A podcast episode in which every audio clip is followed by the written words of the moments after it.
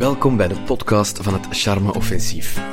Rapper Kim Nzita Vangu, alias Passie, charmeert met zijn verhaal over levenslang leren en hoe het noodlot je dan toch in de juiste richting kan duwen. Veel luisterplezier. Toen ik 18 werd, dan... Uh, vlak ervoor zijn mijn ouders gescheiden. Uh, vlak erna uh, heeft mijn vader een zwaar auto-ongeluk gehad. Ja, die is chauffeur van beroep. En dan werd ik gebeld door mijn moeder om direct naar het ziekenhuis. Ik weet niet, dat was een beetje zo naar een waas of zo, weet. En die is een grote truc tegen hem ge, gekomen. En die heeft een paar uur vastgezeten in zijn voertuig. Ze hebben die brandweer moeten losmaken. Die heeft ook, uh, hebben ze naar het ziekenhuis gebracht. heeft een paar dagen in coma gelegen. Die heeft zwaar moeten revalideren ook, een jaar lang. Poeh, man. Dat is een trauma, man. Ook zo dat je vader er zo ligt, dat was of fucked up om te zien en zo. Maar uh, daarna, ja, dat heeft mij wel echt... Uh, dat heeft mij wel gemaakt wat ik nu ben, weet. Want ik heb veel... Ik weet, dat was zo uh, hard op mijn mind, dat ik ben gestopt met school. Dus ja, ik had ook zoiets van... Fuck dat, ik ga dat niet meer doen. Ik kan me gewoon daar zijn voor mijn vader. Ik kan die helpen. Want die ligt er gewoon in het ziekenhuis. Ik kan, kan niks doen, je. Die, die papieren en al die dingen moet iemand mee helpen. Dus uh, op die moment heb ik gewoon mij, uh, meer met hem gefocust. En, en heb ik mij gestort op mijn muziek. En dan is dat wel goed gegaan. En dan vond ik wel van, oké, dat is wat ik wil doen. Of, weet. Je ziet dat ook dingen echt kunnen veranderen, weet. En ik geloof ook echt... Uh, dat is een voorbeeld van karma. Ik weet niet, veel mensen ze geloven erin. Andere mensen geloven er niet in. Um, maar dat, dat je toch altijd op je pad terugkomt komt in je positieve richting, weet je. Ik ben al van mijn 13 uh, muziek aan het maken. Ik ben er nu 33, dus 20 jaar. De eerste 10 jaar heb ik echt zwaar zitten ploeteren en zoeken hoe dat ik het moest doen. En nog altijd, weet ik ben nog altijd aan het zoeken en aan het leren. En aan... Maar ik heb het wel jong geleerd, weet je. Dus zoals het, uh, zoals het uh, spreekwoord jong geleerd, oud. Dus ik dacht van ja, dat is wel toepasselijk voor mijn muziek en alle dingen die ik maak nu, om die zo te noemen, weet je. En de meeste tracks op het album zijn ook wel... Uh, ja, die zitten wel in een lerende... Of die geven nu wel iets mee, weet je. waar andere mensen wel iets uit kunnen halen. Dus die vertellen ook echt het verhaal van... van wat ik heb geleerd in de laatste... Ja, heel mijn leven eigenlijk. maar het dat was wat dat we daar mochten spelen met Diamantair. Dat was via M&M Urbanize. En dan, ja, ja, ik ben nog nooit zo zenuwachtig geweest in mijn leven. En, uh, maar dat was een dikke tegenvaller. Gewoon de show op zich. Uh, ik heb er veel uit geleerd. Om, uh, je, denkt, je denkt van, ja, ik kan soms zenuwachtig worden voor kleine, kleine zalen. Ik kan ook zenuwachtig worden voor grote zalen, maar grote zalen gaan meestal makkelijker dan kleine zalen. Weet. Want je hebt zoveel mensen, het is gemakkelijker om die te entertainen dan een kleine zaal met iedereen, allemaal die ogen op u gericht. Weet je, dan zee van volk, is makkelijker.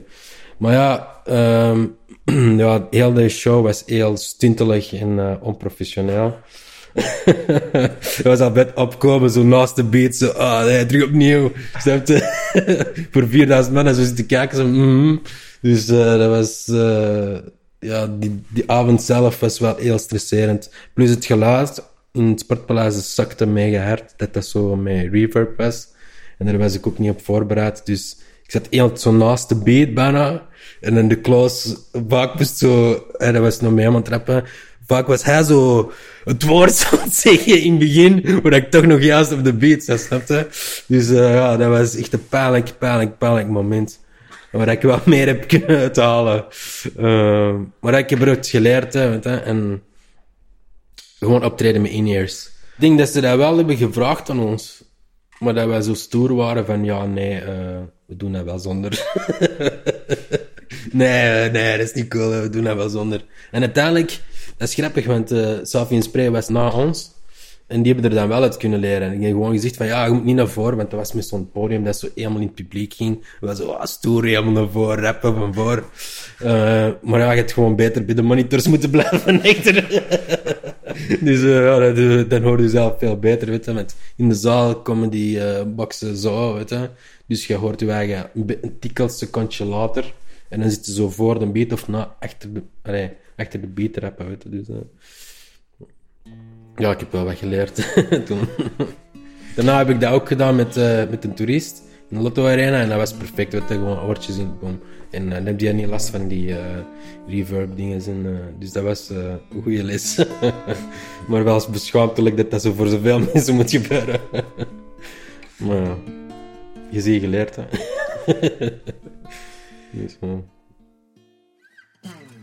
De mist ingaan voor een paar duizend mensen en dan toch in stijl recupereren.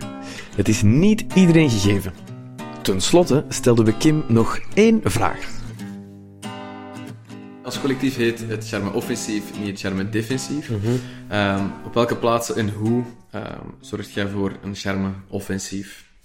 Um, familie komt op de eerste plaats. En hoe ouder dat ik word, hoe meer ik dat begrijp. En ik denk dat eh, meer mensen daar ook meer uh, belang aan mogen hechten.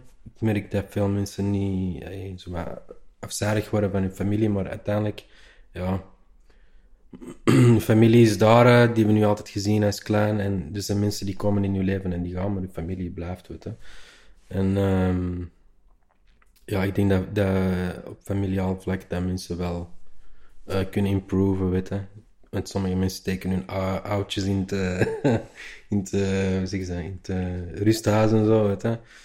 Mm, en ik denk, ja, ik zie dat gewoon uh, verwateren en dat spijtig, weet je. Mm. Terwijl je ouders zoveel voor je doen. Um, dat je wel iets kunt doen als je ouder bent. Dus ik denk, ja, ik denk dat dat wel iets is dat mensen wat meer bijdragen mogen doen en wat meer uh, schermens mogen tonen. Ja. En je ziet dat verwateren bij vrienden van u? Of, uh... Um, ja, ik zie dat verwateren in mijn eigen familie gewoon, weet je. Dus, uh, allee, ik heb zo mijn Belgische kent en mijn Congolese kent. Hè. Dus, uh, langs de Congolese kent is dat wel in orde. Maar langs mijn Belgische kent is dat wel, ja, is een mis, weet je. Neven, nichten die niet meer spreken door ruzies met tantes en moeders en begrijpt zo'n dingen en allemaal voor stomme dingen of voor geld of voor Begrijp je? Zo'n ja. ding is. Ehm, en ja, familieleden dat je niet meer ziet of zo. Of, weet je. Dus dat is spijtig, weet je. Dat is spijtig. En uh, die waarden die zijn wel belangrijk. Dat je dat kunt meegeven aan je kinderen. Mm Dus familie is heel belangrijk. Er is er een tip voor iemand die misschien uh, iemand van zijn familie al lang niet meer heeft gezien? zoekt je vader op of zoekt je moeder op en doet er gewoon een gesprek mee, zo simpel als het is. met dat. Ik weet, het is niet makkelijk om met je ouders uh, soms over moeilijke dingen te praten. Zoals ik zelf heb gezegd, ik heb nog niet sommige tracks aan mijn vader laten horen. Dus, uh, dus zo moeilijk is dat, zo delicaat is dat. Je zegt gewoon schrik voor, voor de reactie dat je krijgt. Maar het is wel belangrijk, familie is wel belangrijk. Want ja, op een dag zijn je ouders er misschien niet meer. Right? Klinkt sad, maar dat is wel realiteit. Feit. Dus uh, je kunt beter het positieve het meeste uithalen dat je kunt halen. En ik doe echt mijn best ervoor, zo, om echt elk familieding uh, er te zijn. En, weet je. en ook met mijn release, dat was dan wel plezant dat er ook wat familie was. Om te zien, weet je. Uh, neven die ik al lang, en kozijnen die ik al lang niet meer had gezien. Okay. En in één keer stonden die daar, ja, we supporten je nog altijd. En dat was echt, ik was gechoqueerd dat ik die had gezien. Oh, Ik dacht van, wow, man, wat doe jij hier? Fuck. maar ja, ik denk, dan denk het ook na van, allee, de school, weet je, en dan spijt ik dat het dan uh, zo verwatert en zo. Maar... maar als puntje bij paaltje komt, familie is er. Ja, ja, maar ja, de, ja, langs mijn moeder kent is dat een beetje minder, denk ik. En dat is een beetje spijtig, maar uh, ja, dat zijn ook gewoon grote lessen, hè, dat je dichter het kunt uh, trekken en dat je dat zelf gaat aanpakken later. Of, of wat wil ik wil zeggen. Uh Dus uh, ja. Het is wat het is, hè. Ja, dat is waar, dat is waar. Goed. Dus het uh, familieaspect is waar dat jij charmeert. Ja, ik denk dat wel, ja. Dat is echt het belangrijkste voor mij. Kijk, niet altijd even belangrijk mijn muziek. Ik heb ook al wel mijn familie daar gehad, dat ik het echt zo druk had dat ik niet uh, bij mijn familie kon zijn op momenten dat dat wel belangrijk was. Dat was wel voos. Maar als ik dat nu zou terugdoen, zou ik wel eerder naar mijn familie gaan. En, uh, ja. Dat is allemaal zo vluchtig, al die dingen er rond. Familie is veel belangrijker. Oké, dat is waar. Merci. Kijk. Bedankt om te luisteren. Check op Spotify zeker de muziek van Passie en laat hem weten wat je ervan vond. Check ook onze sociale kanalen en de website charmeoffensief.be voor extra content. Dikke merci aan Kim en voor jullie nog een goede morgen, goede middag, goede avond en een goede dag.